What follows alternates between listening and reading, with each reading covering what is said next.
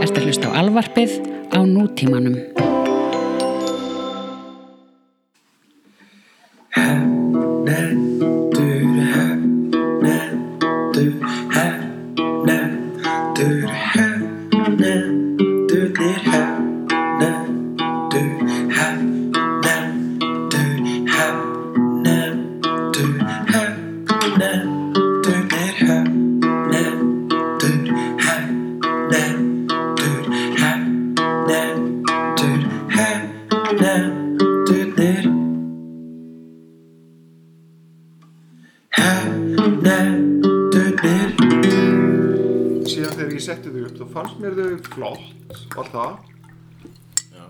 Fannst andlits mér, þetta voru ekki glirun sem ég langaði í. Þessi hérna banalansgleru já, og það er þessi sem látaði líta út að vera heimskari? Já, Já. Nei, ég skal vera að freka mig heim, þau faraði miklu betur. Það er eins og, vegna þess að þess að ég fyrir að segja þau eru þessi sem er látaði líta út að vera heimskar. Þessi sem er látaði líta út fyrir heimskari er látaði líta út fyrir að vera það sögum þess að þau gera augun því næri hvora öðru og fólk, það er, að- fólk lítur alltaf út fyrir pínu heimst ef augun þeirra eru næri hvora öðru, ég fatt að er ég að segja þetta núna ha, í útastætti að ég er bara svona að útiloka alla sem eru augun nær hvora öðru. Það er ekki, er ekki heimskari. Það bara lítur út fyrir það eins og hann Baldur í hérna í naming names. Baldur í goðafræðinni. Í eh, sérstaklega Valhalla dönsku myndasögunum. Já. hann er teiknaður með augun nær svolítið nálægt hvora öðru mér, mér finnst þetta líka eiga við þegar að jæna, augun eru of langt frá hvort öru Já, of langt frá hvora öðru Já. þá lítur út fyrir að vera svona dulafullur er það? Já, það er það sko, hún Kate Moss, hennar helsta einkenni, eitthvað sem ég fatt aldrei, fyrir, uh, þá er þetta kærast eitthvað sem benti mér á það, bara svona, veistu hvað það er sem að gerir Kate Moss svona spes og af hverju hún varð svona vinsal og einstök. Mm. Það er svo augun hennar eru óhenni langt frá hverju öðru. Hún lítur pínu út þessu geimverja, eða eitthvað þú veist. Já. Maður veit ekki hvað hann er að hugsa. en þú þarf kannski að vera með fallit andlit til þess að púla það af Já, já, maður þarf að vera með symmetríun í gangi og allt þetta. En hérna, já, ég einu sinni las ég einhvers staðar að, að eitt einkenni alkohol fetal syndrom Mm. þegar þú veist, mömmur drekka með börn eru svona möndlulega augu sem að teljast vera mjög falleg. Ah, þannig að alkohólbönn eru fallegri Já, Já. börn alkoholista, Já. En er kannski með skemmdara heila mögulega. Og þannig verða módel til Miklir fordófarga gart módelum Ég, Þú hefur verið mótel. hæ, hef ég verið módel? Já, þú hefur mótelað hérna fötin sem þú ert að selja. Já, það er rétt Ég hef verið módel Ég hef myndaðist það, mjög vel þar Það var bara mjög góður ljósmyndir Anna Maggi sem tók það Já. Uh, tók þær myndir og ég var mjög ánæður sko. Þa, það að vera góður ljósmyndari það er alveg beyond me þú þarft að hafa alveg spes hæfileika þá sko. Já. vegna þess að ljósmyndari þú veist, það er svo margir sem myndu halda ef þú, eins og þú ætti að gera er að fucking ít og taka -hmm. og það eru konar ljósmyndir Það er líka lýsing og staðsetning á kameru og... það er mjög mikið þannig og síðan er ekkert einu svona það. Svo sumi sem bara hugsa ekki út út í lýsingu það var það sem að ég held að hún allavega, hún Anna Maggi hún, hún tók þessar myndir og var bara svona uh, þú veist mér fannst þess að hún var bara að gera eitthvað. Já. þú bara, já hérna, prófum hér, lalala og, og svo fekk ég senda myndina bara, hvað, þetta er allt óslega flott en þetta er allt svona líka mjög handáðskent en samt einhvern veginn úthugsað og svo leys, ég held maður þurfi bara að vera Góður. óslega næmur og það er einhverja rosalega næmni til þess að vera góða ljósmyndari sko. Ok.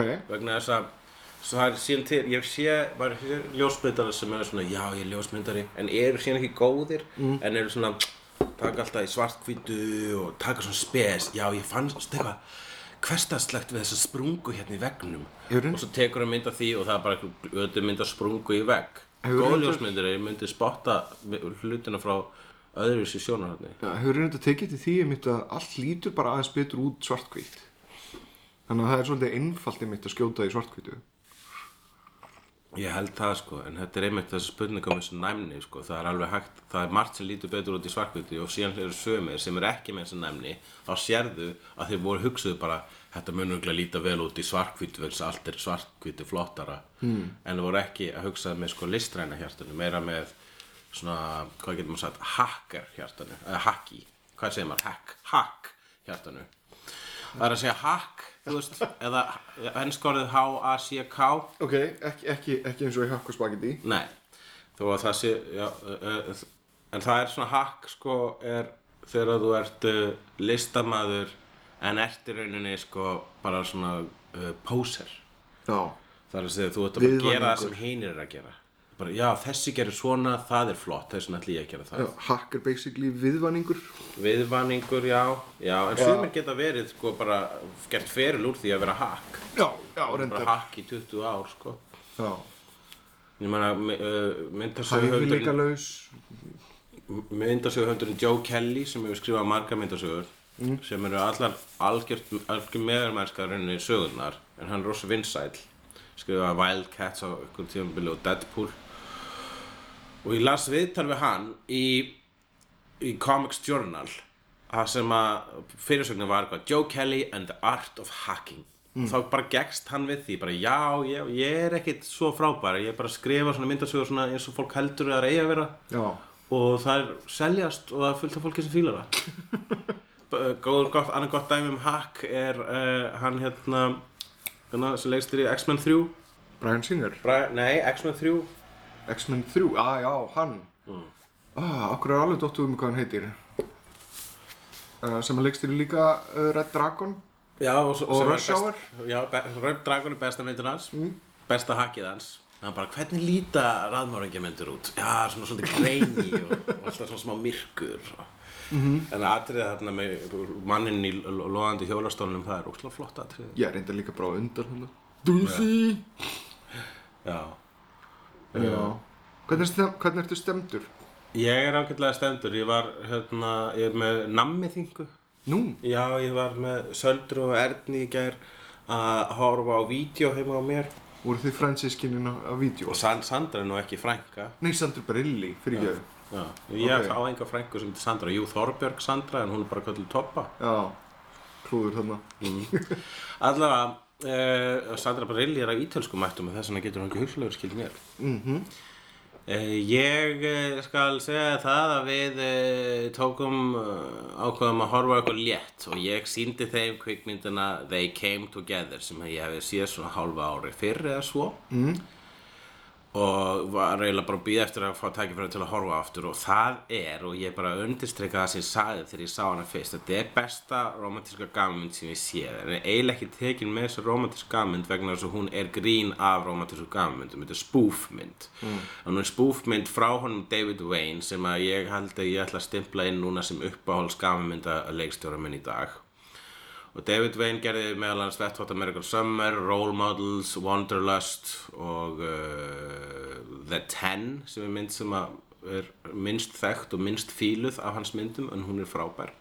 Svo hann fyrir gerðan ótróna slóðir en hann fyrir líka stundum svona hérna gerir uh, mjög áhorfanda vænarmyndir og myndi ég segja Role Models og Wanderlust væri meðal þeirra en enga síður mjög skemmtilega myndir og í báðum tilvikum er Paul Rudd í aðhluturki sem hann er og einnig í kvikmyndinu They Came Together ásamt Amy Poehler sem að er og þau eru með drullu góða takta þar. Og við horfðum einmitt á Role Model strax á eftir þannig að þetta var svona double feature í gær. Mm -hmm. Paul Rudd, David Wayne uh, double feature. Já, uh, hann var líka í hérna, Wanderlust, eða ekki? Jú, Paul Rudd var það líka. Hann er góður, hann er go to gaur til þess að fara í þessu myndu þess að hann er virkilega, hann er góður comedic aktor hann tók nú þátt í skrifunum á uh, uh, They Came Together. Mm. þannig að og, og það er mjög mikið af hans húmor í því sko. Það er ógeðslega fyndið mynd. Þú verður að fara að sjá hana sko. Ok, ég seti hann á listan en við borðum rosa mikið nammi fórum í netto. Já. hversu netto? Og keftum okkur, fórum nammi bara þar og bara fylltum póka og svo bara svona átu við eiginlega bara allt nammið. Erum við að tala um samt nammipoka eða erum við að tala um uh, bónuspoka eða erum við að tala um bara svona svarta glær, ruslapoka? glær póki hann er allavega fyllt í stóra skál. Já, heima hjá mér og við átum hvaða og, og, þrjá, svo vorum við þrjár tegundar snakki í sömu skál. Setti hérna stjörnur hérna ekki paprikustjörnur, heldur hinar hérna í grænupókunum sem er hérna sour cream stjörnur. Og svo soltin vinningur flögur og síðan ostapop og það allt í sömu skálinni. -hmm. það reyndist, það var ekki alveg besta hugmynd í heimi vegna þess að ef maður, maður vildi bara fá sér ostapop lúku þá tók maður óvart með uh, kannski kvassa soltin vinningur flögu þannig að maður þurfti að borða ostapoppið með þeim formerkjum að þarna væri leyndist flaga sem myndi skera gómanamann eða ef maður myndi borða það sama hátt og maður borða pop það var eitthvað að það að maður tyggur mismunandi eftir því eh, hvað maður, stí, maður stingur upp í sig Ég, ég skil þig. En Ég, ég, ég er ekki alveg, alveg fylgjandi þessum blanda öllu saman pælingum.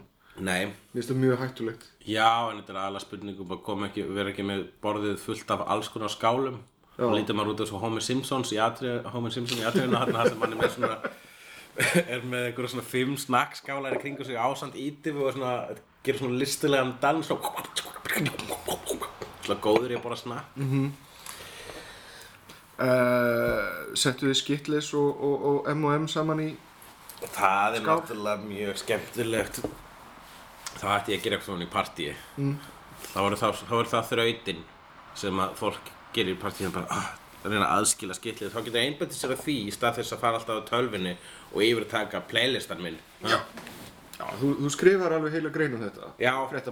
Það þarf að stöðva þetta Þetta gengur ekki lengur Ef maður heldur partí og það er bara svona allir eru búin að, þú bara svona allir gerir bara ráð fyrir að þetta það sem þeir mega gera er að skipta um lag Ég er búin að vera að pæla í þessu. Ég held samt að það sem að gerist þegar að lægi er sett á og fólk fyrir að hlusta lægið mm. og njóta lagsins, ef að lægið er það gott, Já, að þá líður því eins og því hafi verið ítt úr samræðanum. Það fæ, fæði það ekki lengur að kontribjúta, að segja sig. Þannig að það notar það tungumál sem það hefur tök á að tala í gegnum tónlistina.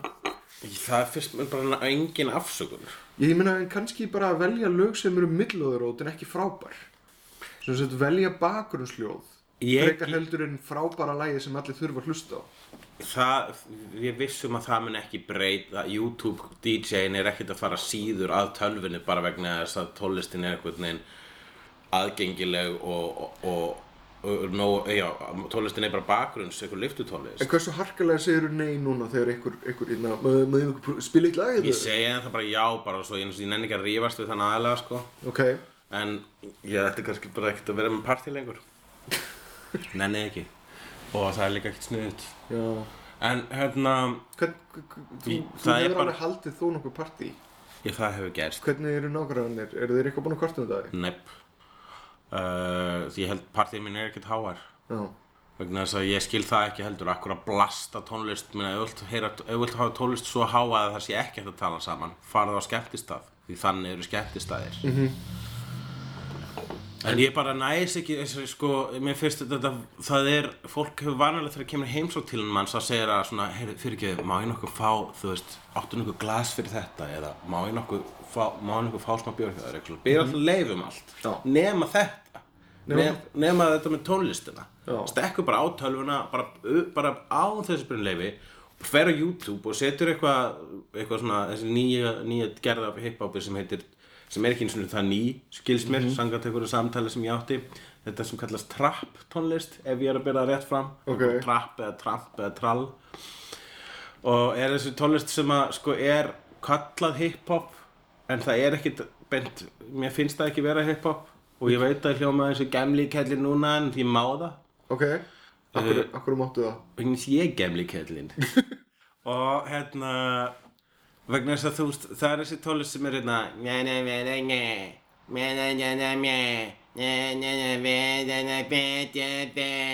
þú veist svona og fólk kallar þetta rap en þetta er, þetta er bara eitthvað svona tuð með autotún tuð með autotún já, já, ég hef eftir að hlusta að gefa Drake ormiðlan séns en ég bara finnst þetta finnst það ekki vera ég skil ekki okkur að kalla þetta hip-hop okkur kalla þetta ekki bara pop yeah. þú veist, að, þú veist, hverju kallar þetta rap en ekki söng Kannski vegna þess að þetta eru vanalega rap tónlistamenn sem eru að gera þetta. já, hvernig er Þeir rapp alveg, alveg, alveg á öðrum lögum líka. já, já, svona, e- kannski svona í einu versi mm -hmm. aftarlega í læginu eða eitthvað slags Já. Já, gamlu góðu dagarnar þegar rapplög hafðu texta -hmm. og ég veit að ég veit ekkert hvað ég er að tala um ég er ekki búinn að gera neitt research en leiði mér nú að kvarta En já, já, tónlist. Tónlist Hvaða tónlist er þú að hlusta á? Ég var að kaupa mér Hunky Dory á hérna vínil.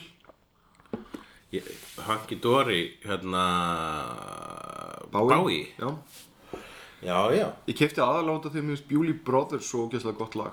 Já Bara þú veist, ég, ég langaði til þess að- geta spilað það svona hátt og fallega og, og notið þess almennilega. Já Og hérna, já, annars er ég bara, ég, ég, hérna, ég, ég er búin að vera að hlusta á tónlista þann hátt að sapna í playlista fyrir í kvikmynd eða sjónvarsverkefni sem ég er að vinna. Já, ég skil Svona búið til lítinn svona Tarantino-esk, svona, Það er að erlend tónlist mikið já, ég reynir samt að finna íslenska þegar ég get. En er ekki, er, er ekki þú veist, einmitt að fá tónlist í, þú veist, sjóarp Já, þar sem, þú veist, í sjóarstátaframlýslu og kvikmyndaframlýslu í hér á landi þar sem er hver einasta króna er talin mm -hmm.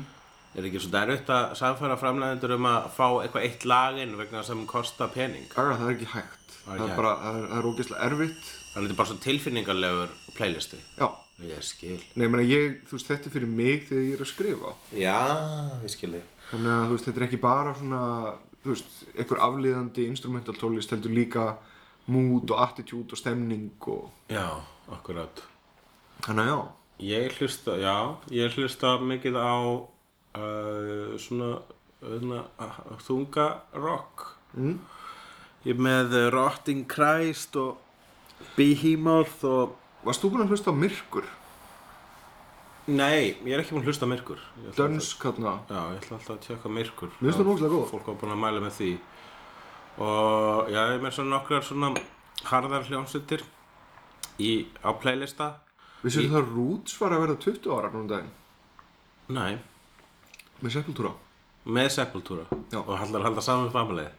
Ha? Það er að halda saman upp amalið Það var amalið þegar þeir myndu cover Ég ég, ég er ekki að tala um Roots hljómsveitina heldur plötuna Roots með, með Sepultura ah, Já, ég skil Ég var aldrei inni í Sepultura mm, Já, ég var endur að hlusta á þetta núna aftur bara svona til þess að muna hvort að eða áttum á því hvort að þetta sé ennþá jafn hart og það var þá.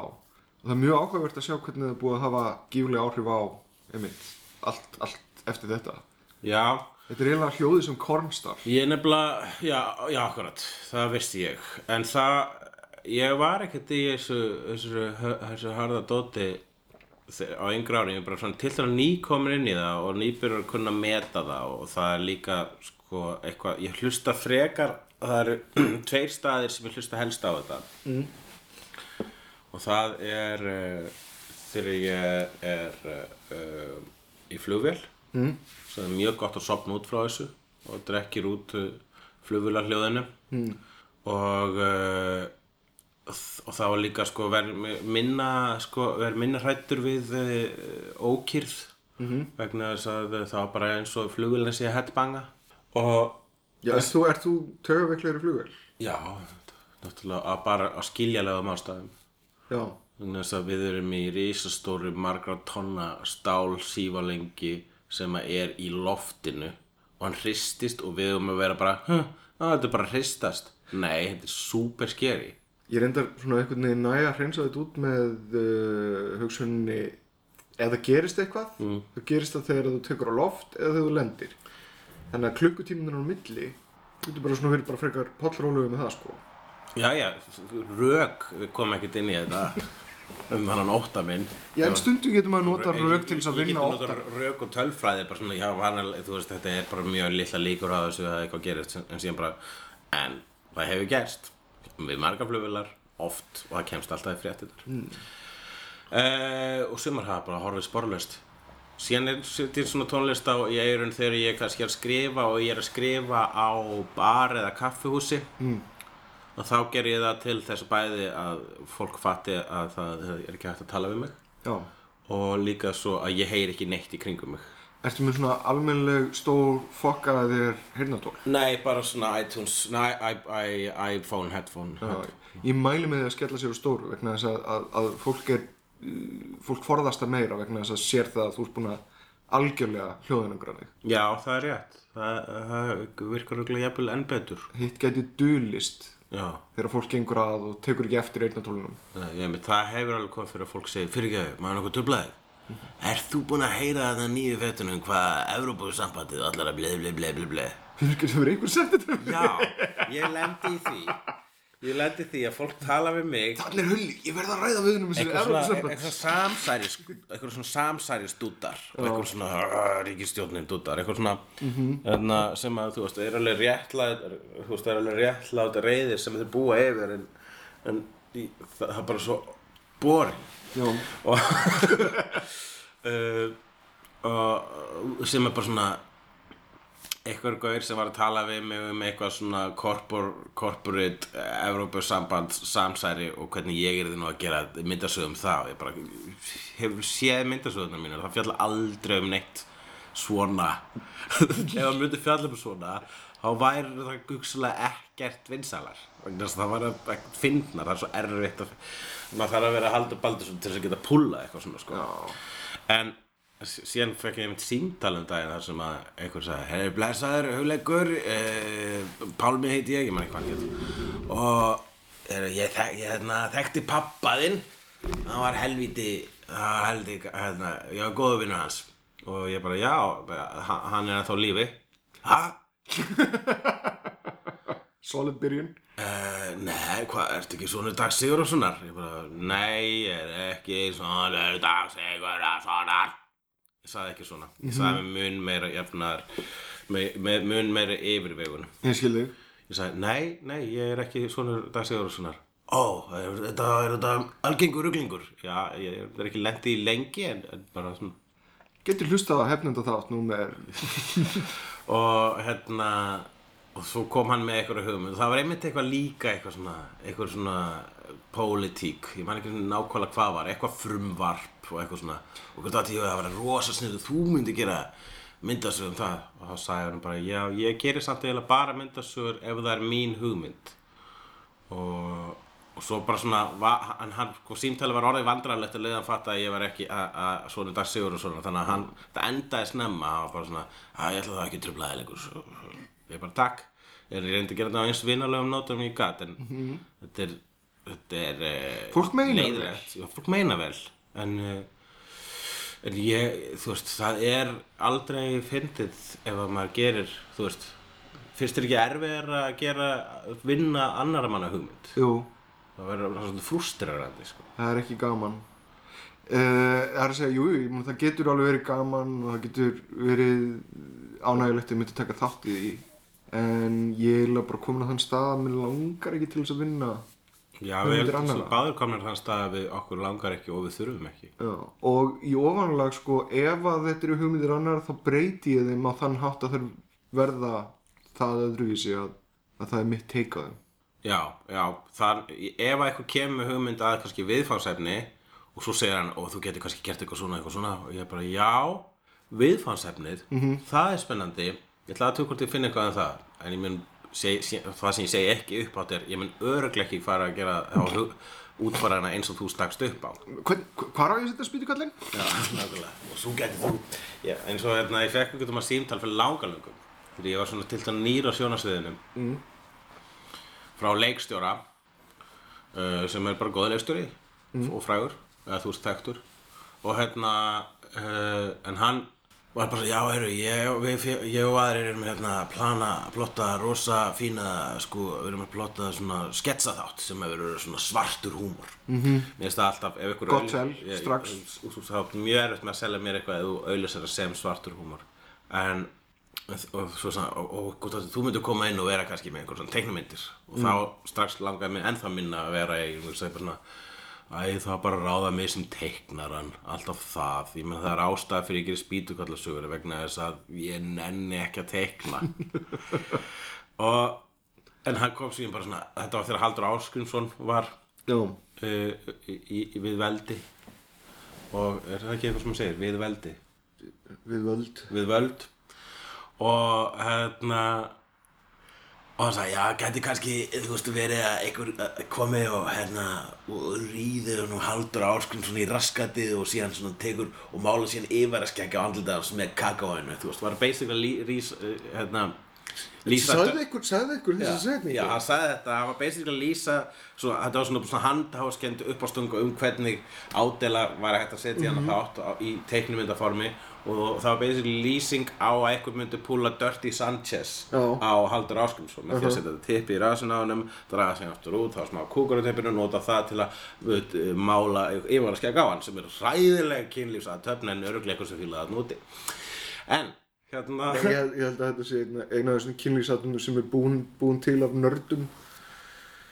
Sem Já. eru, se- eða, eða, eða svona moldvörpu fólki ykkur upp Já, já, ég, hérna, þetta er, ég, á þess að hafa nokkuð tíma gerst í raunveruleikunum ég svari mitt á bara núna um helgin á uppistandi með honum uh, Kimi Carr, þar sem að hann taldi upp svona, hérna, hinnar og þessar uh, svona grottalegar kynlýsathefnir Nú, og ég séð líka frá Amy Schumer Patrice O'Neill? Patrice O'Neill hefur gert það, þetta er bara, ég heldur að það virðist vera eitt af því svona, þetta svona public domain fyrir grínasta apparently, Amy Schumer var reynda sökuð um það að stela frá Patrice O'Neill. Já. En málið er að Patrice O'Neill sjálfur er að segja Þetta er allt sko Þetta er, þetta er brandara sem er að núti dót sem ég fann á Já, internetinu. persónulega finnst mér að bara öll að sleppa svo og segja sem er brandara Ég man þetta einhvern tíma að þú, þú gaggrindir uh, ekki, ekki, ekki við mannskina persónulega en, en, en upplestrar stand-up að sem sagt lesa upp fyndið dót sem þú fannst á internetinu? Ég hef öruglega gerst segur um það sjálfur. Já, En ég, ég finnst að ef þú ætlar að gera það þá ætlar að gera það eins sjaldan og getur. Vegna þess að uh, mér, mér finnst þetta samt sko, mér finnst þetta virka ef að þú setur þetta í samhengi. Já, algjörlega, það er mjög, þetta er mjög algengt til dæmis í svona chat show dæmi. Mhm. uh, Það er, þú veist, hvað þú lesu, les og, og, og í hvaða röð og hvaða mynd þú, þú Já, teiknar upp með. fyrsta lagi þá hef ég ekkert rosalega mikið rétt á gaggrina vegna þess að það er hægt að gera allt fyndið og það er hægt að gera allt að sínu mm. í rauninni sko. Þannig að það er ekkert eitthvað sem að fólk ætti að sleppa ef að, að það finnst gaman að gera og sérstaklega ef að, ef að vekur upp plátur fyrir það. Þú þetta er allt í höndum áhörundana talandi um það? Nei, byrju, við, við vorum ennþá í Haldur Áskrims í Dirty Ó, Sanchez já, ok, ég held að það voru bara svona frjáls og falli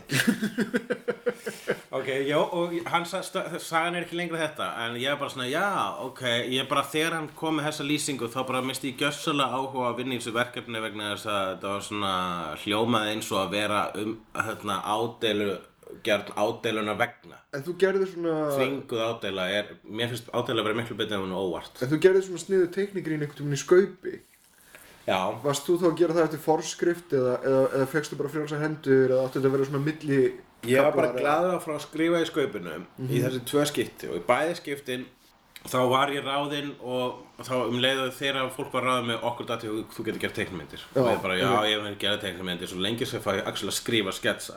Og ég skrifaði fullt af sketsa fyrir bæði skaupin sem að mér fannst vera það, þú veist, betra en það sem ég teiknaði fyrir skaupið En þó ég var ánægð með hérna uh, Draumalands djókið um Andrasnæ. Mm. sem Andrasnæ er að sína svona Draumaland og þá er það bara svona eitthvað svona, æ- eitthvað svona teiknumynd með einhyrningi sem að og svo kemur vondi skelitor á skurðgröfu og eitthvað svona. Hljómaði svolítið eins og ég var að gera grína pælingunum hans uh, Andrasnæs sem ég gæti ekki verið meira sammála. En, uh, en þú, þú veist grínið er það sem grínið er. -hmm. og og síðan setna hitt skipti þá leti hérna það var Björk, bæði skipti var sko að ég gera grín að fólki sem ég er sammála. Var setna og bæði, og, og, og í sama svo það var Björk og náttúru hérna, vernd. Og, þá, hún var að hrópa náttúru upp á sviði hérna einhvern lögadannum Já. og djókið var það að allir voru bara já náttúra en allir voru að rusla óslega mikið til í lögadannum eh, og síðan var þarna einhver sem ældi á blóm eitthvað svona það voru tvö blóm sem voru að tala saman og annar blóm eitthvað svona já gaman, ég elska þig mamma mín eitthvað svona. Og svo kemur einhver ælir á blóm, annar blómið og bara svona "Ah." og það var svona magasýrurnar að bræða blómið bara magasýrurnar brenna mig. Og, og hitt blómið bara mamma mín, mamma ekki deyja. Ef ég mann rétt.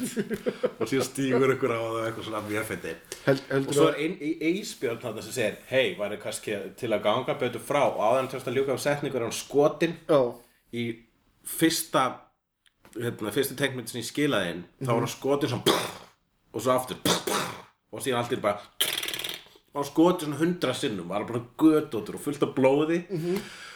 Og þeir sættu tilbaka svona gætur að láta íspyrnum vera bara skotin einu sinni? Hverju? vegna þess að börnin. Jón, Jón, Jón, það er verið að trompa brandara þannig mér fannst það mjög gott, mér þetta var bara, mér fannst það mjög gott overkill sko, að láta hann skotið sem miljóð sinni, menn ég skildi það bara þannig, ég bara, ok, þar fór hálfdagsvinna. Og hérna, Nei, komum, þetta hefur nú ekki tekið langa tíma þegar þú þess að þetta er einn af þessum hlutum sem er gaman að gera. Þér að segja, þá var kvartað yfir skaupinu. Já, og uh, eins og fólk gerði áður en Facebook var almennið þing. Og hérna og þá það er að segja hvart, og alltaf hringt og kvartað en fólk, síðan að Facebook var svona bara snákapytur skoðana Já. þá er ekki lengur hringt og kvartað sem er svolítið gaman. Þess vegna var ein, kvartað enginn yfir hulla. Það er líka að fyndi sko að kvartanir sem að bara símleiðis hver ein og einasta kvörtu var tekin mjög alvarlega. Já. allt hrós var tekið bara svona "Ö, ok, mm -hmm. fólk var ánægt. Það er einn hérna maður á fáskósfyrði Já. sem er einstaklega óanæði með þetta allt saman. Þess vegna verður að cancela þáttur um limbo. En hérna já þá kvartaði einmitt að barn fór að gráta vegna þess að íspjöldin var skotin þá kom blóð. Æi, þannig að þú veist. Já. Þannig að það, there is such a thing as fjölskyldu þáttur sem að, þú veist. Ég, ég er reyndar á því einmitt að, að, að maður eigi kannski að einmitt geima svona hluti. Þetta er fjölskyldu þáttur börnin horfa á þetta. Já. Þannig að spurning, er þetta staðurinn fyrir Nei, veistu það, það verður samt anstíkilegt grín? Það verður samt að vera eitthvað svona. Það er reglu, í hver einsta skaupi allar þeim sem skaupum sem skipta máli þá er eitthvað sem fer yfir strikið og eitthvað sem fólk kvartar yfir. Varst þú í skaupuna sem að þarna var devaf kommentin? Mm, nei, nei, Nei, en það var til dæmis, það árið þá voru vist úslega margir sem kvartuðu yfir svona að, svona ógislegt orðalag að höfundinu skulle skrifa svona ógislegt orðalag og bara mm, höfundinu við skrifum þetta reyndar ekki, þetta er beint tekið úr kommentarkerfinu á DFF -hmm. Það sem ég langaði til að segja var að hérna, ég var um daginn á, með uppistand -hmm. og uh, hérna ég var með uppistand á störu grínstum á bar. Og uh, um leiði ég mætti þá fannst mér bara svona óvinni fáir komnir með vanilega Já. það var rosalega vel auðlist samt.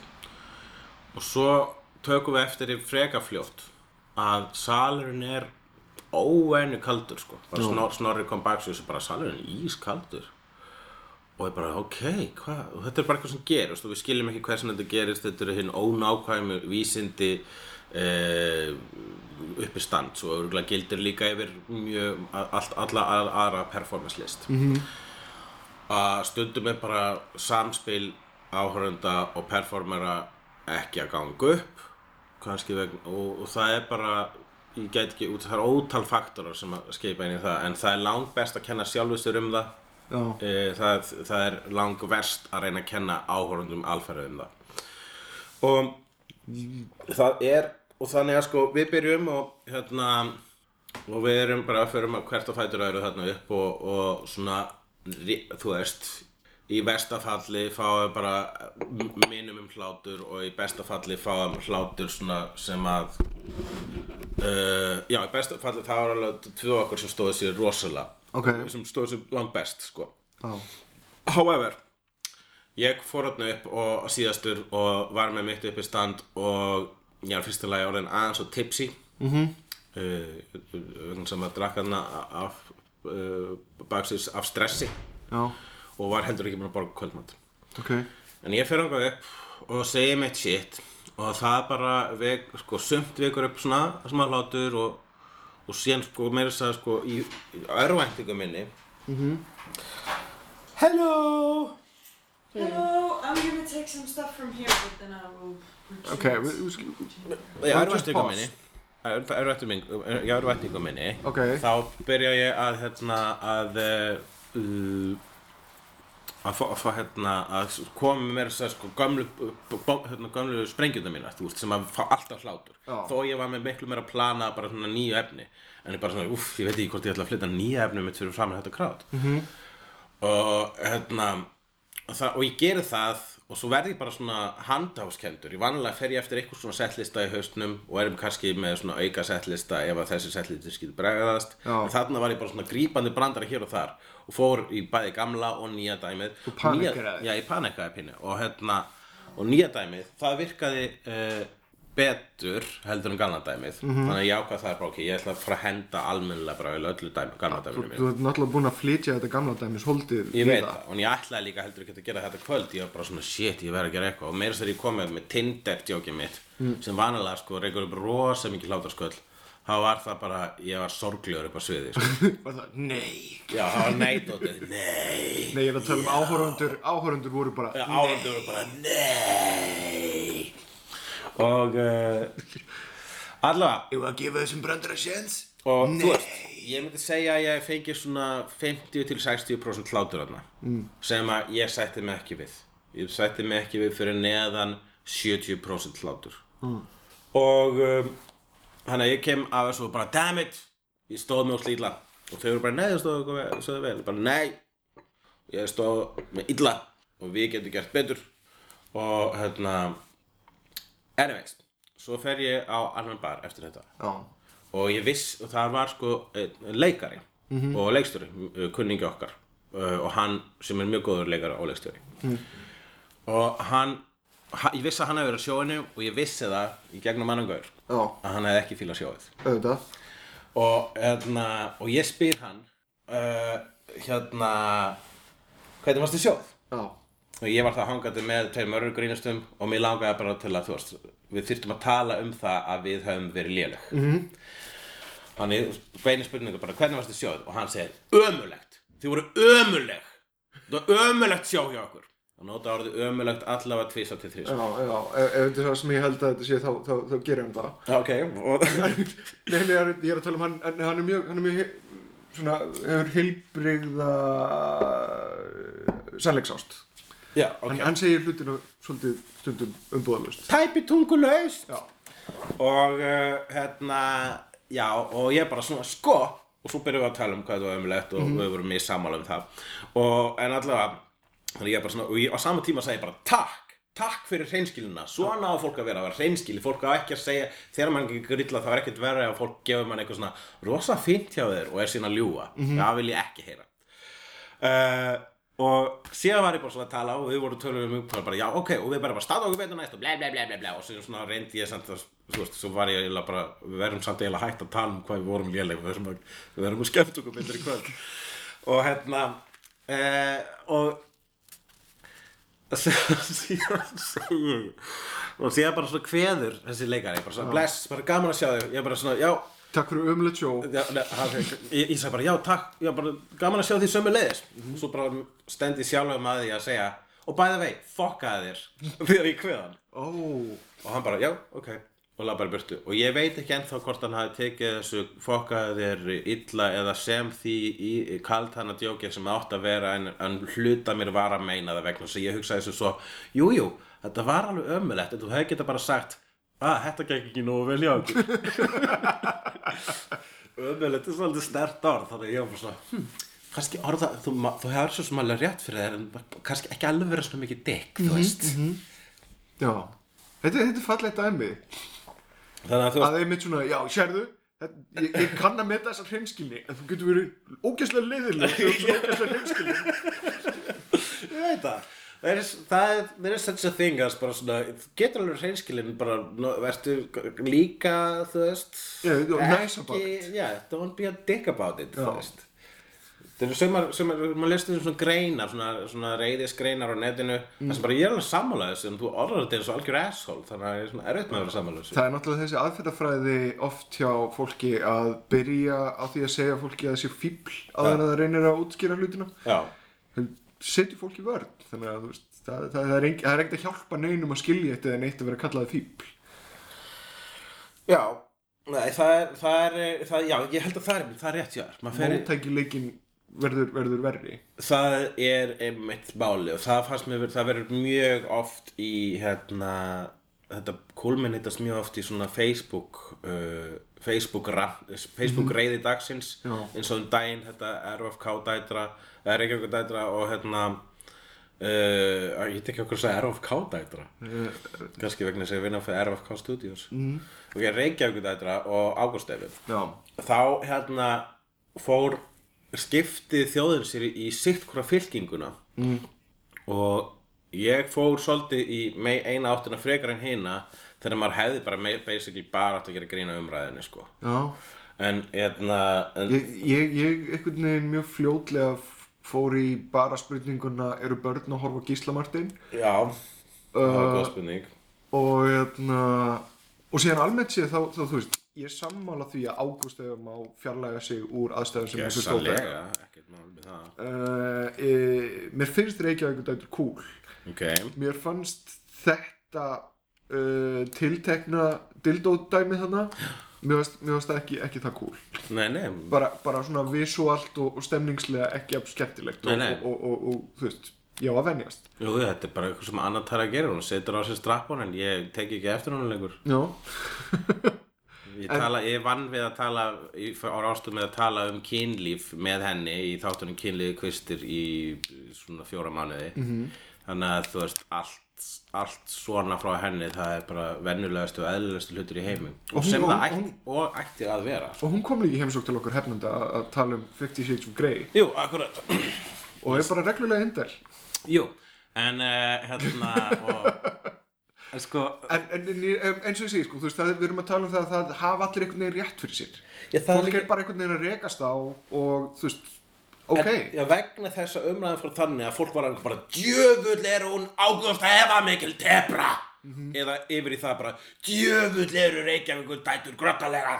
Og það voru bara svona í þessu sitt og það var bara að banna þetta. Já, og hún bara gera svo vil en síðan kemur krúsidúlan Ágúst Efur hræstnari vegna þess að hún var stundum að, að gera svona í sínum gjörningu Já, og þú veist, ég, þú veist, fyrsta lagi að, saka fólk um hræstni er eitt af hræstnilegast sem getur gert vegna sem við erum öll hræstnarar á einhverjum tímapunkti. Þannig að það að kalla einhvern hræstnara er hræstnislegt. Ég elsi. Uh, hérna, en hérna, Aha, já, þetta, þetta er mín skoðun á orðinni hræstni. ok.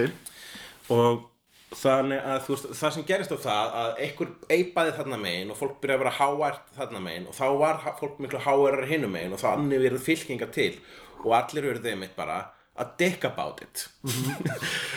No pun intended og hérna í stað þess sko, að ég og ég fjall í þessa grifju ég fór inn á mér þess að kommenta var að tjá mig á hinum með þessum spjallþræð Varst það tjáðið um þetta? Ég veit Ég fekk líka hvílit. Ég fekk gjamviskupið daginn eftir bara ég ætla aldrei að taka þátt í þessu svona þjóðfélagsumræðu aftur mm. Mér leiði eins og astna að hafa fallið í gildru með því að vera bara Ég byrjaði eitthvað að tjá mig um hérna þú veist, nánast um svona free speech og eitthvað rugl, þú veist, það er ekkert meira boring en að vera að grínast að það er að tjá sig um það. Já, En og var einmitt daginn eftir bara svo, ó ég hef þetta að láta þetta vera. Eða bara segja þannig eina brandara sem ég sagði til að byrja með. Tjöld hefur verið á miklu gjamfyllir í Já, maður er búin að gjamma of mikið.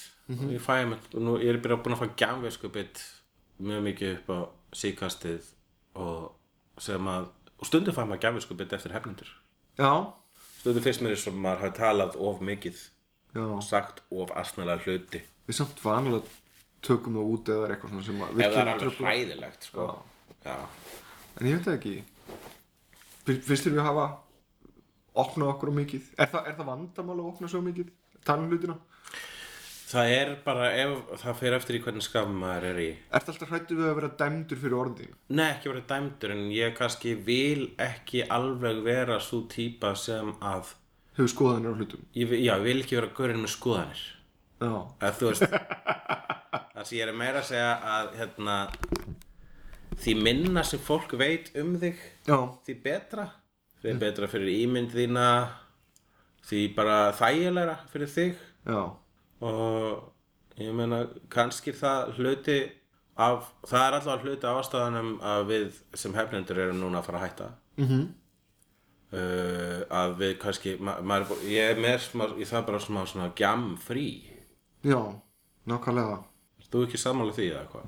Jú um, Við erum búin að gera hvað? Þetta er hundraðasti þátturinn sem er ógeðslega mikið á er mjög mikið að gjami Ég held að þetta séu þetta slagur upp í eitthvað 150-200 klukktíma mm af gjammi Já. af okkur að gjamma út um alla veggi jú, jú. og ekki það að maður hafi verið óbyrður einhverjar hræðilega skoðanir það eru margt bara sumt sem maður segir segja maður bara vegna þess að það er gaman að segja það og svo er ekki svona ein- einu svona 100% sammála mjög oft sem þegar við höfum verið að innan geðs að lappa rífast um hluti mm. þá eh, tekur maður þá verður, tekur maður, púlaði maður svolítið Facebook á þetta og verður bara svona ekstra mikið það verður bara svona eins og ræðukeppni sko. maður verður bara svona ekstra mikið bara hamrar rosalega mikið á, á sinni hlið málsins eða á sínu málefni. -hmm. en er ekkert eins og það harður á því í rauninni? Maður er bara reyna að vinna því í einhvers konar gemkeppni Já, ég veit, en stundum er maður einmitt í debati, stundum er maður í morfís já, stundum er maður bara, ma ma maður er ekki saman á punktinum en maður bara valdi sér leið. Og djövill hafa það ég ætla að vinna á. Það er sko og það, svona ræðukeppnir það er mjög góð uh, leikfimi mm. segja, mjög gott hérna, að kunna að, að debata. En á sama tíma stundum- þá finnst mér vera það einmitt það versta við pólitík í dag en svo sumir eru bara að móti hinum vegna þess að hinn er í hinu liðinu. Það er kannski alveg sammálaðanum í grunninn. Já, ég þól ekki þegar fólk vinnur út af það að vera klárt að rífast. Ói, hvað ég þúlega ekki. Það er, mér finnst það, alltaf jafn ósangjart sérstaklega þegar sannleikurinn býður verið hlut sko. Ég veit það og það er, úf, maður er nú, já. Já, já, já, já. En já, uh, En við erum svo síðan hætta já þetta er síðasti þátturinn okkar. Síðasta hernunda þátturinn. Mm. Númer 100 Ég mun sakna þess að þátta. Já, þetta er, þetta er búið að vera dásanlegt en ég held að við þurfum breyk Já. Ég held að við þurfum að bara aðeins að slaka á gjamöðunum verða aftur venjuleginir Já, ef við, þú segir break og þá erum við erum að tala um ef þetta er death of hefnundurnir. -hmm. þá er þetta svolítið eins og death of Superman eða death of Captain America eða death of Wolverine. Að obviously þá þá er það því þýðar ekkert endilega við sem búnir. Ok, Ég meina, Superman kom aftur. Já. Wolverine kom aftur. Mhm. Wolverine kom, er núna kona. Það er tveir Wolverinear í nýja Marvel heiminum það er ein kona og einn gamli Wolverine. Old Man Logan er orðin hluti af uh, mainstream hérna, Marvel Universe. Já, en hann er bara Logan og Wolverine er hérna X-23 þarna klónið, kvenkins klónið á honum Wolverine. Ég, ég veit ekki hvort það sé heilbritt að, að skilja fólk eftir með eitthvað svona von. Nei, þannig að við ættum kannski við erum ekkert að, það er ekki örugt að við komum aftur. Það er bara ekki störugt í neinu. Nei, er, við- við ætlum bara einfallega að leifa hefnendum að deyja Já. eftir hundra þætti. Já, og við ætlum að taka okkur rosalega langt og gott frí og endur nýja vináttuna og, og spjallum aðra hluti og, og ekki vera hrættir um það að við séum að eyða púðri sem að hefði átt að vera í hefninda þætti ok. Og, jæna, og síðan sjáum hvað gerist með sumrinu. Já, já, það er, það er sem ég segi, við vitum ekkert hvað er að fara að gerast en uh, þú stakst upp á þessu og við, við sátum í strætó á leiðinni á Deadpool forsýninguna. það er rosa stutt síðan að þetta var stungið upp á þessu og þú stakst upp á þessu, hvað ef við tökum bara smá frí? Og ég bara, hæ? Já, þú meinar. við erum nefnilega bókstæðlega búin að vera með þátt og viku núna í, Í tvö ár. tvö ár. sleitu löst Já. kannski væri við betur stattir ef við höfum tekið svona periodical pásur eins og fílalag sem, sem bara Já, fara í dvala í 1-2 mánuð og koma síðan aftur upp sko Jú, jú, við tókum svona, re- reyndum að taka nokkur, nokkur frí með því að taka upp marga þetta í einu sem við Já. ættum út en sem við- okkur tókst smá í sumar en það var samt alltaf smá kapplöp við tíman sko bara við þurfum að drífa okkur að taka annað þátt aður en að Já, við gáum okkur aldrei frí. Það var alltaf einhver á vaktinni að setja þátt inn eða, eða klippa þátt eða hafa þátt tilbúin. En mér þetta nú freka vel að þessi viki allir þessi þættir. Ég meina þeir eru eru þeir ekki allir meir en klukkutími? Jú, ég held að, neða, ég held að þessi einn þáttur sem er 58 mínútur Já, í byrjun þá vorum við eitthvað svona ekki að fara mikið klukkutíma sko. En þessi, þessi 15 mínútur auka á þegar það jafnaði þetta út. Já, já, og síðan er alveg tveir, tekja, þryggja tíma þættir Já, sko. sem sem eru of langir óvart en það er bara vegna þess að það er svo gaman að gjama Það er gaman. Já, Það er gaman það er gaman Ertu búin að sjá hvað er bíónýla? uh, ég, Ekki bíó en ég jötna, horfði á Legend um kreibræðuna með Tom Hardy já, að já, já, akkurat Svo ég þarf að, ég sá The Craze, gamle myndina fyrir langa löngu. Hún var alltaf læg, boring hún, já, hún var, hún var þetta er samt ógeðslega áhugavert fólk þessi tveir tvíburar hérna. Já, en Legend, Legend var góð mynd, það er Tom Hardy sem leikur týpuruna já, og hann er náttúrulega frábærleikari Tour de Force performance og svona. Hann er frábær. Ég var endar á, á sama tíma þá var ég að svona fletta upp skilur hvað sannleikskildið í þessu væri. Já, og þetta var alveg svona frekar akkurat fyrir utan það að hérna, uh, konan hans Reggie Cray eða kærastan hans uh, aðstandendur hennar kvörtuðu undan því að, að hvernig hún var teiknuð upp hún var teiknuð upp sem svona uh, samviskan einhvern veginn sem var voðalega hlédræg og ekkert, mikið fyrir það að, að Reggie var að glæpast alltaf og svona.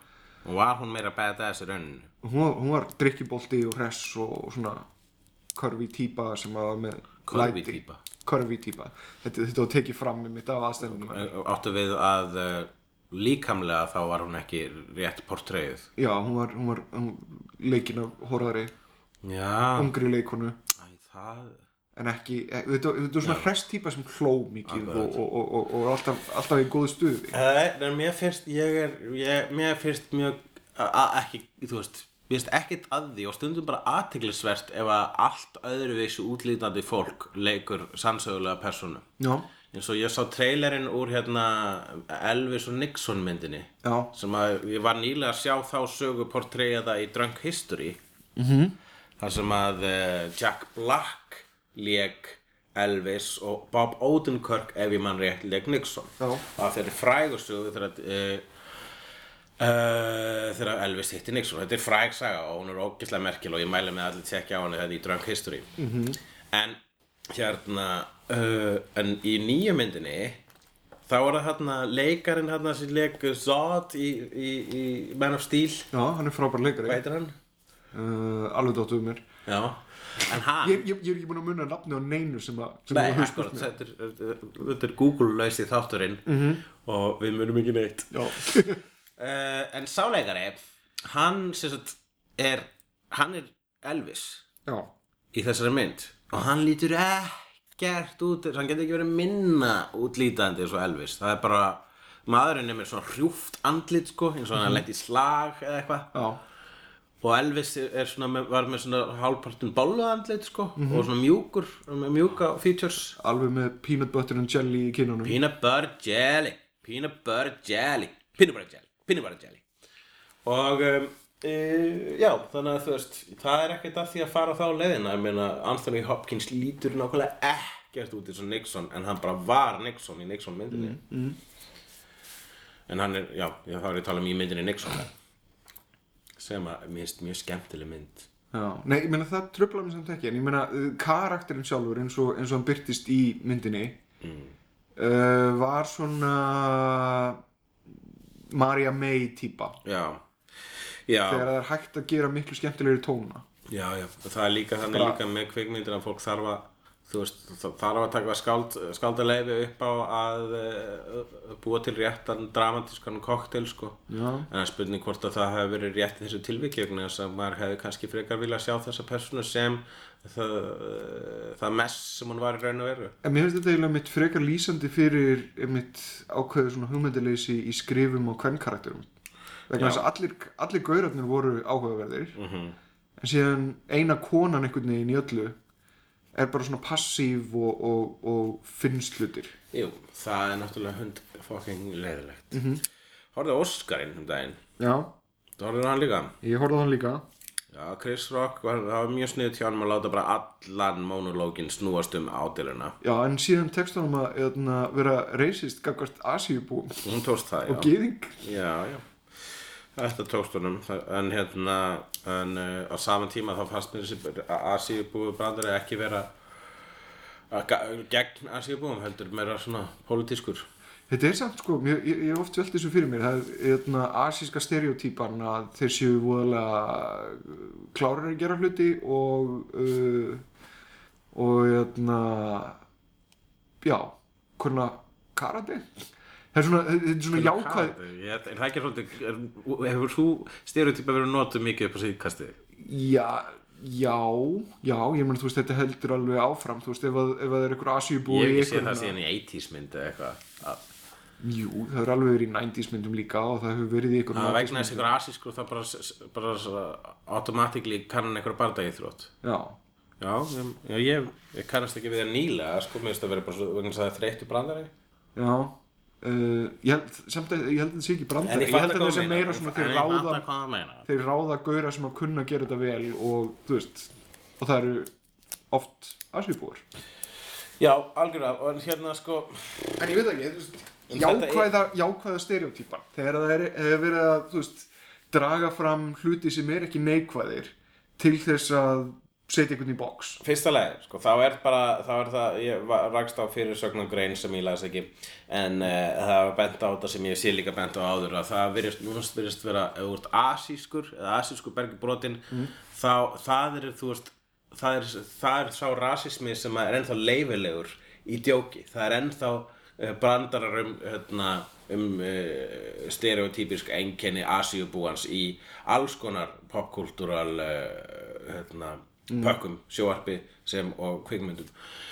Og það er algjörlega eitthvað sem þarf að breyta og, það er eitthvað, hérna, svipað, svipað að hann var að benda á hérna, hann Aziz Ansari í, í hennum frábæri þáttum uh, Master of None að hann talar um það að indverska stereotýpan hún er þarna ennþá fullu. En síðan var núna nýlega upp úr myndaðist nýju umræða þegar kom trailerinn að Ghostbusters myndir er nýju. Að, að, það eru fjóra konur og einn svört og það er hvítur allar vísindamenn en svo svarta vinnur á lestarstöð. Ég heldur að Melissa McCarthy sé ekki neitt sérstaklega vísindarleg Na, já, ekki. Já, hún, hún ætti að vera uh, Bill Murray hlutverkið. Já, sem að hann var vísindamæður en hann var ekki góður vísindamæður já hún, var, hún er samt vísindamæður Já, Já, It doesn't excuse anything. Uh, En hérna það, en það, það, þá byrjaðast að vera mikið svona heit á netinu bara hei, akkur er Leslie Jones náttúrulega bara einhver svona ómentu kona í, á lestastöð og Leslie Jones hún svaraði fyrir sig á Twitter með því að byrta bréf sem hún fekk sendt frá actual kon, svartri konu sem vinnur á lestastöð Já. og segja bara, ég er svo glöð að það sé þarna hlutverkarna sem representa mig vegna þess að við sem vinnum þarna á, á, lestastöðum við erum, hérna, við sjáum uh, mannlífið í sinni hreinustu mynd. Það er allir sem lappa fram hjá okkur, enginn tekur eftir okkur. Við sjáum hvað er að gerast í þessari borg. Við þekkjum borguna betur hver aðrir og við vinnum basically kjallara borgarinnar. En og þetta er eitthvað sem hún benti á og síðan á sama tíma þá er líka hægt að afsaka þetta þannig að þetta sé bara raunsætt vegna þess að í þessu glataða samfélagi sem er nútíminn þá fá svartir færi tækifæri heldur en hvítir. Og það er lýsandi dæmi þá að í þessari mynd skulu hvítu konarnar vera mentaðar en hún vera ómentuð en það representar ekki e, hérna, svart fólk á réttan eða rangan hátt. Já, ég, ég sko, ég er mitt þetta er bara hlutverk sem að hún sjálf, Leslie Jones hefur tekið fram að hún sé stolt af. Hversu mikið getur við gaggrínt það ef að, að þetta er, hún spilaði það af sínu raunsægi og hún sjálf hefur alltaf verið frekar street level comedian. Já, En Ég- ég á sama ég tíma ég- ég- réttmætt rétt uh, gaggríni. já Ég er mitt hallast að því að, að stemningin ætti raunverulega að vera svo að fá karakterar sem eru vel skrifaðir og eru heillandi og hafa dýft og, og, og sögu og, og, og eitthvað svona áþreifanlega áþre, áþreifanlega persónuleika. Frekar en að það séu bara einhverjar stereotypur. Já. samhreystingur af einhverjum, töktum. Uh, ég er ósamála því að það þurfa alltaf að velja fegurun á, á fólki mér finnst það leiðinlegt. Mér finnst leiðinlegt að, að veist skrifa hlutverk fyrir konur þar sem að það eru fullkonur. Þá vil frekar hafa brotnar skrýtnar og dýft Já, það er bara boring að vera fullkomin, sko. Það er gjarnan í, sko, gjarnan í gamanmyndum þar sem að uh, alpersonan er kall og þá er hann svona bumbling idiot og svo kemur kona sem er með hlutin á hreinu -hmm. og hann þarf að sanna sig fyrir henni en það sama er í romantísku gamanmyndum sérstaklega þar sem að konan er bumbling idiot og þá kemur hinn svo kallega himbó inn í myndina og hann sé fullkomin og hann er alltaf svona ég hef gaman að því hvað ert klöfsk Já. ég fíla að þú ert þú -hmm. og uh, þú veist þannig að þetta goes both ways en það er uh, sjálfsögðu ekkert nema ójafnvægi í þessum blessaða bransa eins og uh, hvíti Óskarinn var ágætis áminning um. Og svo, og svo, svo varð hvíti Óskarinn líka blanda af sko vandræðilegri sko reddingum eins og hafa rosalega mikið á tóken svörtu fólki þarna, kinnum þarna. Louis Gossett Jr. kom þarna sem hefur ekki komið Óskarinn síðan vannan fyrir löngu. Bæði vegi sá Óskar virðist hafa drepið fyrirlands vegna þess að hann vann Óskarinn fyrir Officer and Gentleman og léki engu merkilega eftir það. Allavega engu sem, engu sem fólk tók eftir kemur hann aftur hann hm, hversin alltaf það hefur verið? Og hérna Eh, og síðan á sama tíma fullt af djóki frá Chris Rock þar sem hann var að gaggrína þetta allt saman. Þetta var svona skrítin kokteil af uh, sjáuði hvað við erum glötuð og sjáuði hvað við erum í rauninni fín. Já, en það er Hollywood uh, allt um yfirborð.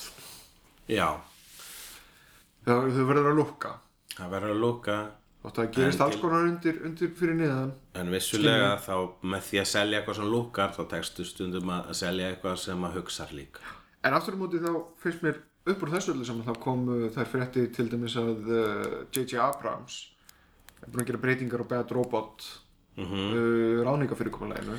já, hann er með eitthvað svona nýja klausu uh, diversity klausu Og veistu mér finnst þetta bara hlutur einhvern veginn sem að þörfur á vegna þess að, sorry með mig, en, en ég er orðin leiður á öllum þessum sömu sögum aftur og aftur um sama, sama trefunda fólki. Já, kynjakvoti er allavega sko ég með, þú veist, mér finnst kynjakvoti vera bara illnöðsinn mm -hmm. í, í, í sjálfur sér er kynjakvoti glata að maður þurfi að hugsa svona en er það að heimurinn er bara búin að vera fastur í sama farinu og einhvern veginn, hann er búin að vera skakkur og ónáttúrulegur Vanlegt samfélag er búin að vera ónáttúrulegt svo lengi vegna þess að það er ekki sömu tækifæri fyrir alla. Og ef, ef einhver þarf að setja inn fucking lög til að tryggja að það er sömu kosti fyrir alla þá verður það bara að vera þannig. Leiðilegt að við þurfum að gera það en betra fyrir bransan sérstaklega og emmitt að það gerist eitthvað nýtt að fáum eitthvað nýja sögur. Þetta er svona eins og á leikvellinum að, einmitt, leifa hinu krökkunum að leika sem er líka það. Já, okkur Það gerir allt saman skemmtilegur og áhugaverður á endanum. Já, já, ekki leifa búlíin að komast upp með allt Hashtag Trump Lastu brefið sem að Louis C.K. skrifaði um Trump? Já, Trump. Trump Ég finnst einmitt, þú veist, hérna, þegar fólk er að segja sko, það er einmitt reglulega hérna, hásprengjan á netinu Já. sem er Hitler dropping the, hérna, pulling the Hitler card þegar fólk segir, þú, þú ert bara Hitler og þá er það í langflestum tilvikum á einhvern veginn ekki rétt á sér vegna þess að, já, að líka einhvern veginn við Hitler er svolítið djúft í árunum tekið að líka honum Donald Trump við Hitler finnst mér eiga rétt á sér Já. hann er ekki búinn að eyða þú veist, miljónum gyðinga ennþá eða þú veist, múslima Svona, hann er 30s Hitler. hann hann er með 30 Hitler Já. hann elur á hatri nema það, Hann munurinn á Hitler og Trump. Er sá að Hitler held ég að hafa verið genuinely uh, hérna, hatað gyðinga. Mm. ég er ekki viss um að Trump genuinely hati Mexikana eða Mexikoa, segir maður það ekki? Mexikoa og uh, hérna muslima ég held að hann sé bara hann er, hann, sko, hann er ekki ég held að hann sé ekki rasisti. En það rasisti er heimskur. Rasisti er bara stúpid. Rasisti eru fyndni næstu eru svo heimskir. En hérna en Trump er verri en það. Hann elur á hatri. Hann notar heimsku annara til þess að koma sér áfram. Þannig að þú veist, honum er sama þótt að rasismi komu honum áfram svo lengi sem hann var völd. Hann er bara valda sjúkur mm. þannig að ég held að Trump sé verri en rasisti. Hann er ekki verri en Hitler en ég finnst heldur að fólk ætti ekki að gefa honum tækifæri til þess að vera verri en Hitler Já, já, ég meina hann hefur alveg sömu persónuleika einkenni og getuna til þess að verða það sem Hitler var. 30s Hitler. Ég, eini SNL þátturinn sem ég hef ekki hort á undanfarið, það er einmitt þátturinn það sem hann var í vegna þess sko maðurinn er eitt af því hann fer alveg gífulega í taugunar á mér -hmm. hann er með svo óþ, óþólandi hérna svona demeanor hvernig hann, hvernig hann talar og hvernig hann hreyfi sig hann er alltaf með svona ógisla asnalega handarhreyfingar. Og maður verður bara svona "Ugh", hann er svo pyrrandi sko. Hann er dónalegur og hann er aggressífur og hann talar um tippið á sér. Hann er bara hann er ein versta mannvera í heiminum í dag þar að segja eða það sem verra er að hann er að reyna að verða verri manneskja. -hmm. og, er, og fólk er að hjálpa honum að verða verri manneskja og hjálpa honum að skaða heiminn meira -hmm. heldur hann hefur að gert sko vegna þess að hann hann hefur ekki eins og mikið tækifæri til að almela rústa til heiminum. Þa- gæti það sko. það sem ég hlæðist mest er allt þetta fólk sem að ef, þú fer til þeim svo kommenta þráðin á Huffington Post eða Fox News eða svona skoða fréttir þar, þar sem að Donald Trump kemur þá er alveg allt morandi í fólki sem að tengir gífurlega við þetta allt saman. Já, það er það sem að hræði mig mest það er það, er til svo mikið af fólki sem bara finnst hann vera engil, frelsari komin að himnum ofan til þess að bjarga þeim? Það sem margir, margir sem vilja fá eitthvað svona einfalt rugl sem vil svona, já bara he tells it like it is. Það eina sem við þurfum að gera er að við þurfum að, að, að byggja reisudóran vegg við Mexiko síðan þurfum við að drepa alla hriðvirkamennina og fjölskyldu þeirra. -hmm. og, hérna, og ég myndi laga þetta ISIS-dæmi og hérna, bla bla bla bla og Apple, já við fáum það á til þess að, hérna, að framleiða bara í bandaríkjunum og, og, og, og, og fokk frjáls í markaðurinn og bla bla bla. Þeir, maðurinn er bara að segja það sem að hann heldur að annað fólk vil heyra Þannig er nákvæmlega það sem hann gerði og það er mjög svipað á það sem að uh, vissir aðlar innan framsóknarflokksins gerði fyrir síðustu kostningar þegar þau vörpuðu svona smá útlendingahatri inn í sína umræðu og allt í hennu byrjuðu sko stóðu rasisturnar upp úr skítuðu sófunum sínum og girtu sig og fóru og kusu helvítin að þeim. Þannig er loksins manneskja sem að ávarpar allt það sem ég hræði Já, það er jafn, manneski sem jafn mín hálfviti og ég, ég skrifaði þessa grein aðna um rasista um daginn Já, sem kallaði það heimskingja já þú, ert búin að, búin að vera að trolla þarna Hermin Óðins. Ég trollaði Er, aðeins er þarna. þetta ráðlegt? Heldur þetta séu, Ég séu held að þetta séu menn? aumingjar allt með tölu. Já, Ef það eru menn þarna sem eru að fara að lemja mig þá eru þeir bara að fara að sanna sitt mál. Í sambandi við mynd svona ofbeldi, svona á ég að lemja þig dæmi. Um leið og ég er lamin af ykkurum út af ykkur svona þá er sá sem að lemur mig búinn að tapa umræð, hann er bara að tapa slagnum. Mm. Ég meina ég mun mitt nef mun brotna og ég verið uh, niðurlæður í hans augum í smá stund en ég myndi þá bara fara aftur og, og segja eitthvað verra um uh, við komandi aðeila já en samt það, það er ekki beint eins og þeir hafi uh, hljómgurun til að byrja með. en það sem gerist nefnilega var það ég hef skrifað nokkra eh, svona bakþanga og í langflestu tilvíkum þá er það bara eitthvað sem ég dætt í hug á síðustu stundu. Mm. vegna sem ég gleym alltaf öllu. Og, og það hefur ekkit orðinin svakalega, þú veist, það hefur ekkit orðinin svakalega spjall það er í kringum þetta sem að mér finnst bara mjög fínt. Mm. en þarna varð spjallráðurinn lengri Ok, undir þessari grein heldur en á öllu hinu sem ég hef gert. Já. og þá voru mitt bara svona býttu, fólk sem var að segja býttu, bara í lægi að hrauna yfir fólk út á skoðunum þeirra. Sem Já. er svo stúpid svo stúpid hlutur að segja. Á fyrsta lagi hætt að tala um skoðanir þeirra. Þetta er bara fólk með öðru fólk, um, fólk með öðruvísi skoðanir og þú, já, en skoðanir þeirra eru hræðilegar. Og ég má tala um það að séu hræðilegar. Ég má kalla það heimskíkja og þú getur reynt að verja þá en getur hvernig þú kemur út þá. Sem heimspeki heims, heimspeki heimskingi aka rasisti. Og hérna og þetta er, þetta er svo mikið grifja þetta er næstu þegar maður skrifa svona grein þá var maður að setja upp gildru fyrir hálfvita. Og þeir koma bara fyrirgjöðum að ekki verið með aðra skoðanir.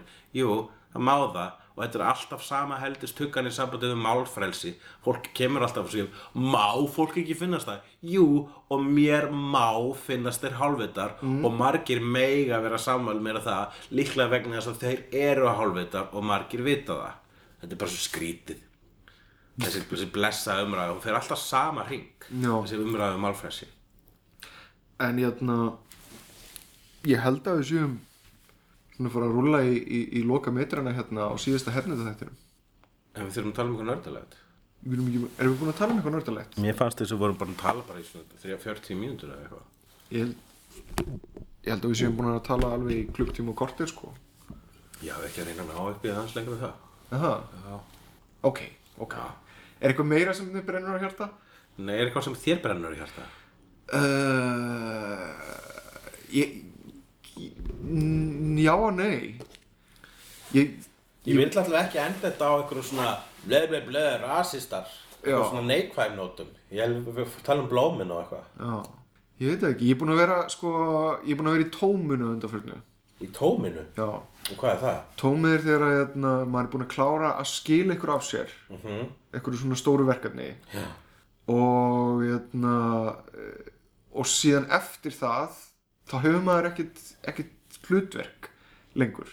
Það er ekki neitt sem svona kallar á að maður eigi að gera eitthvað. Já, þú veist það er alveg nóga verkefni framöndan en þetta er bara svona þetta kemur þegar maður er búinn að brenna fyrir ykkur í svolítið langa tíma og síðan bara er þetta búið og síðan bara blasir við bara svona eitthvað svona andleysi og tómaróm mm uh, ég er að reyna að fylla upp í það með því að byrja á nýju verkefni. Já, en jötna, en samt skilur þú veist þessi, þessi tilfinning, svona þessi aflíðandi tómarúms tilfinning já, ég kannast vel að að hún svona hangir ennþá í mér. Þannig að ég, ég, ég hef alveg lítið að gefa eða tala um akkurat núna. Ég er eiginlega svona já, tankurinn er búinn og ég er núna að reyna að fylla á hann aftur. Ok, það kemur nú alltaf, þú veist, áður en þú veist að það er komið annað verkefni sem þú verður að tækla, þegar þú ert í þannig stöðu. Mm, já, já, já, og verkefni koma til þín á færiband. alveg, alveg nóg framöndan sko. En jötna, já. Ég er búinn að vera að gera hulnan á fullu. já, Ég ætla bara að tilkynna það hér, ég held að þetta verður, þessi nýju hulli verði eitt besta sjóasefni sem hefur verið á Íslandi. ok Ég held að ros, ég er rosalega stoltur af því sko. Kannski er ég að sjá það með, hérna, að horfa á barnið mitt með augum móðurinnar en, uh, en það sem að er að fæðast þarna í stúdíónu það er pínu beautiful sko. skegg góðins Við skegg óðins uh, Tek fyrir trúabrögð Tek fyrir fegura sapkeppnir mm. Tek fyrir auðlýsingabransan Tek fyrir uh, Dungeons and Dragons. Tek fyrir Eurovision.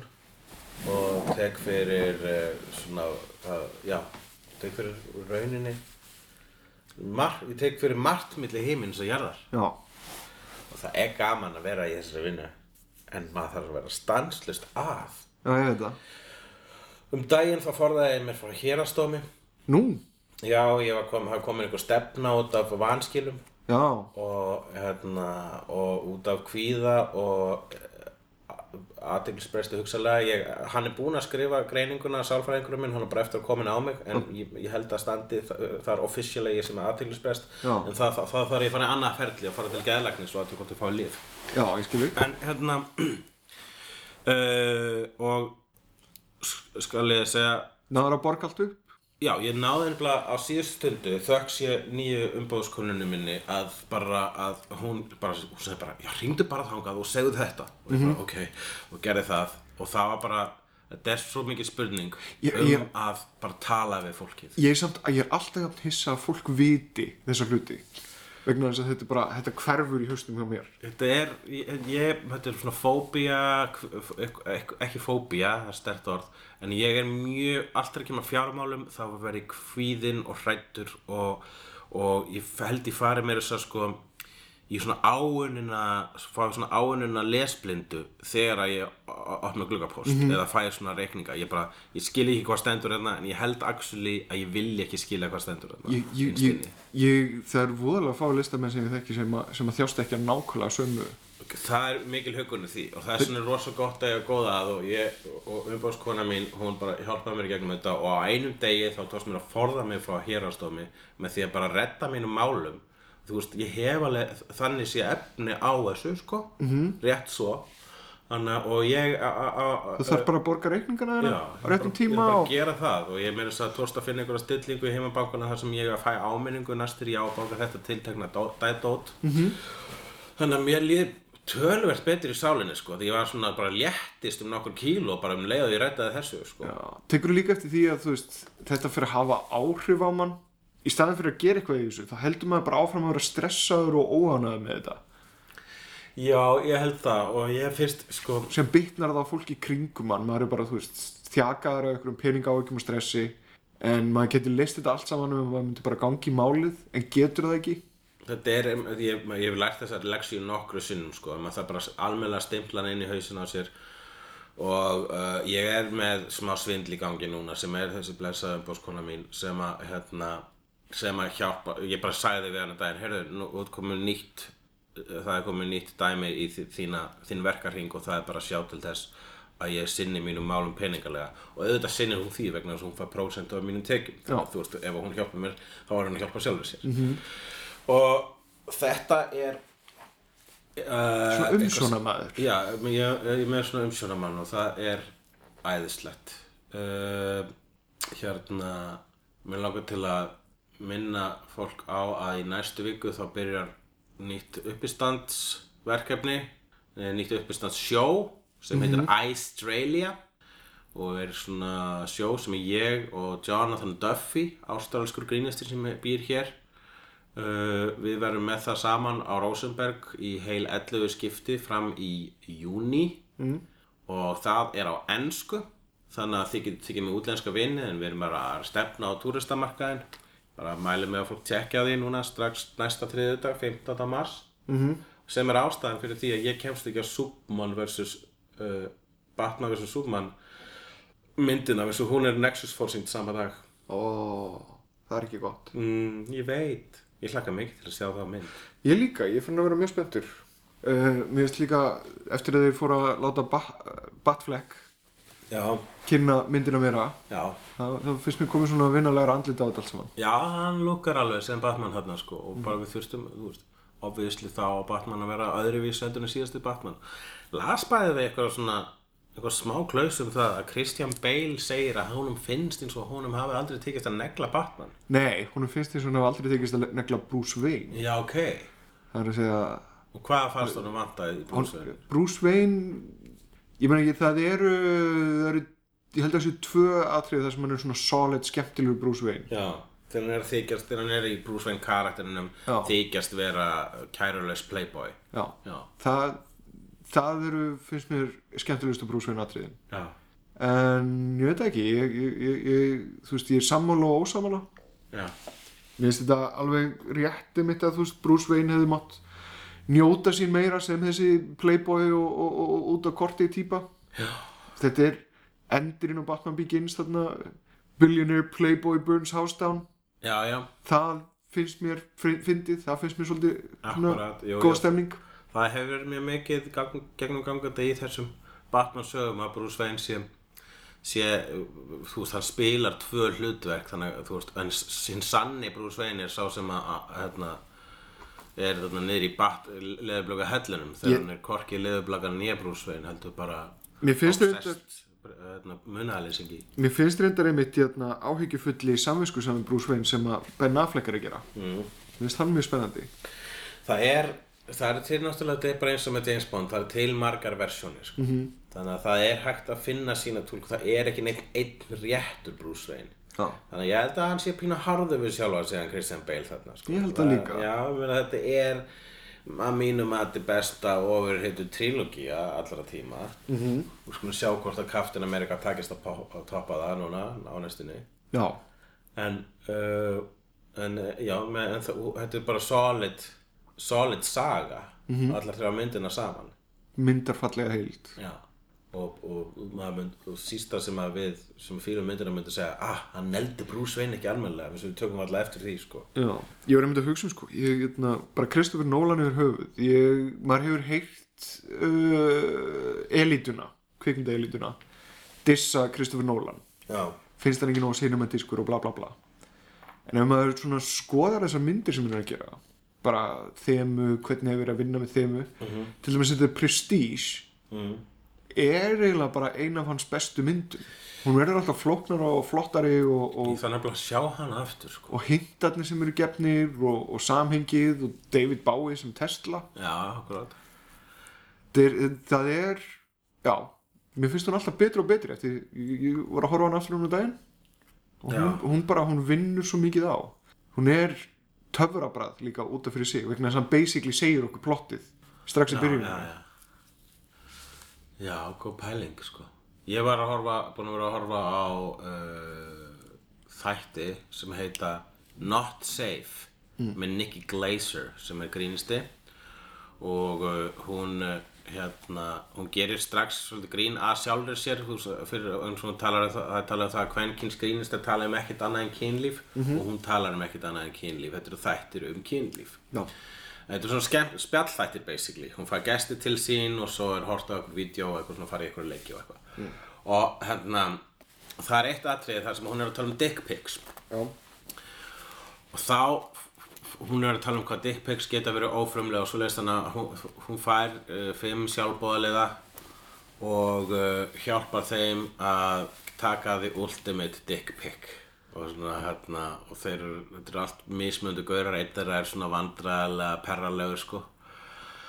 Uh, og svo er hún sem sagt svo er hún bara hjálpað með að taka pics meira sem meira að klæða tippin þeirra í einhver svona búninga. Já. og vera svona hérna er tippið þitt sko Hillary Clinton og eitthvað svona og er síðan sínur aðræða sem hún sko bara svona að hann, hann er, er eitthvað, liggur ekki rétt þannig að hún kemur og hún er með plasthanska og lagar þetta þannig að hún basically ekki með berum höndum en er að snerta á þeim tippin sko. Ok. og maður hugsa ef þetta var í náttúrulega íslensku sjóarpi það myndi fyrst þetta aldrei gerast í íslensku sjóarpi Nei, nei. uh, sama hversu mikið annar tæra myndi reyna að láta það gerast Mhm. uh, en hérna það þá er það, þá er, það myndi allt brjálast en þetta er náttúrulega bara eitthvað cable TV þáttur inn í hafsjó af sjóastáttum og upplýsingum í bandaríkjunum sko. Þannig að það er ef það er kvarta yfir þessu þá tekir einhvern eftir þessu en maður spyr sig sko, þetta væri náttúrulega og hér vegna þess að við búum í ójöfnum heimi þá komast konur upp með að gera eitthvað svona Ok. Vegna þess að við snúum þessu við og þetta væri uh, pussy pics Já. Uh, uh, clit pics, I don't know, ég veit ekki hvað það kallast. Það, það er ekki nóg algengt það er ekki nóg algengt fyrirbæri í heiminum til að sé komið svona almennett slangur yfir það. Það var endar í uh, hreinu skildi þá, þá uh, er karakterinn sem saga leikur já, og hún kallar það dick pics. Já, þannig að hún er að senda dick pic sem er ekki, þú veist, með dick. Já, ok hún hún, kallar þetta er bara fyrir bara dick bara, bara female Já. dick pic. Og hérna já, þannig að sko ef það væri kallmaður sem var eitthvað svona ok, nú er þið að klæða píkutnir eitthvað hvernig sem það nú er hægt, sem eitthvað hérna og síðan eitthvað svona lagfæra þær með plasthönskum hérna það væri bara það, það, ég myndi líka illa að horfa á það sko. ég myndi finnast ég bara að horfa á mann vera kynferðislega meðsnóta konur Já. En Nicky Glazer gera það og síðan undir miklu svona grínmerkjum og mér fannst það bara ógeðslega fyndið. Það er annað atrið þar sem Nicky Glazer fær hinn frábæra grínasta Kyle Kinane með sér til þess að hérna, talsetja, ekki talsetja, þetta er stjórna klámyndafólki. Já. Og að koma, kemur klámyndaleikari og klámyndaleikona og þau fara, þú veist, bara getting it on. -hmm. Og þau eru bæði með, hérna, uh, uh, sérst, tæki í eyrunum, þannig að heyra hvað Nicky Glazer og og Kyle Kinane segja, Kyle Kinane tala fyrir kattinn, Nicky fyrir konuna. Ok. þannig að þau byrja svona að grínast og gefa þeim línur og þetta verður ógeðslega fyndið. Þetta verður bara fyndnasta klám í heim vegna þess að klámynduleikarnir er, er að segja ógeðslega fyndna hluti. -hmm. og sama tíma þá er bara þetta er Var, það er lítur rætt í haustum á manni það sem spyr má þetta, má þetta er þetta lægi, byrju, þú veist hvað er Nicky Glazer að komast upp með glæpi hérna og það er það sem gerir þess að þetta er gífurlega horfanlega, ég finnst þetta mjög skemmtilegt og vegna þess að þetta kittlar sko, hérna maður spyr sjálf á sig margar spurninga, svona má þetta spurninguna, sem er spurning sem er mjög skemmtilegt uh, að spyrja sjálf á sig vegna þess að maður verður alltaf að vera leitandi. Maður verður alltaf að efast. Ég fór alltaf inn að pæla, við nefndum það að þetta verið síðasti þátturinn svona einhvern veginn eftir 40 mínútur eitthvað Já, og hérna, síðan fórum við bara að tala um eitthvað eftir það. Heldur, heldur, heldur að áhörendum, eða áheyrendum líði eitthvað illa eða eitthvað svona? Kannski hættur að hlusta eftir og sagði að þetta var síðasta þátturinn og bara Já. svona þannig að þið heyrði ekki þegar við ætlum að segja þeim að nei, nei, joke. En ég það ekki. Já, en hérna e, ég þarf að fara að skrifa. Já, ok, uh, takk fyrir hefnendur. Takk sem leiðist Við komum kannski aftur og bæði vei það eru tvö önnur podcast í bígerð frá mér. Þannig að þau koma á árinu. Er þetta að nota endurinn á hefnundum til þess að plugga séttið þitt? Ég er alveg vill ekki alveg segja bless strax en þú þarfst að fara að skrifa. Já, ég þarf að fara að skrifa. Um, Ég þarf að gera eitthvað. Já, ég þarf að fara að gera hulun Ætti þetta ekki að vera eitthvað svona hjartnæpt augnablík eða eitthvað? Mér finnst þetta svona ljúfsárt. Þetta er ljúfsárt. Við sjáum hvað gerist. Já. Ógnar fjörmál allt að sjá í. því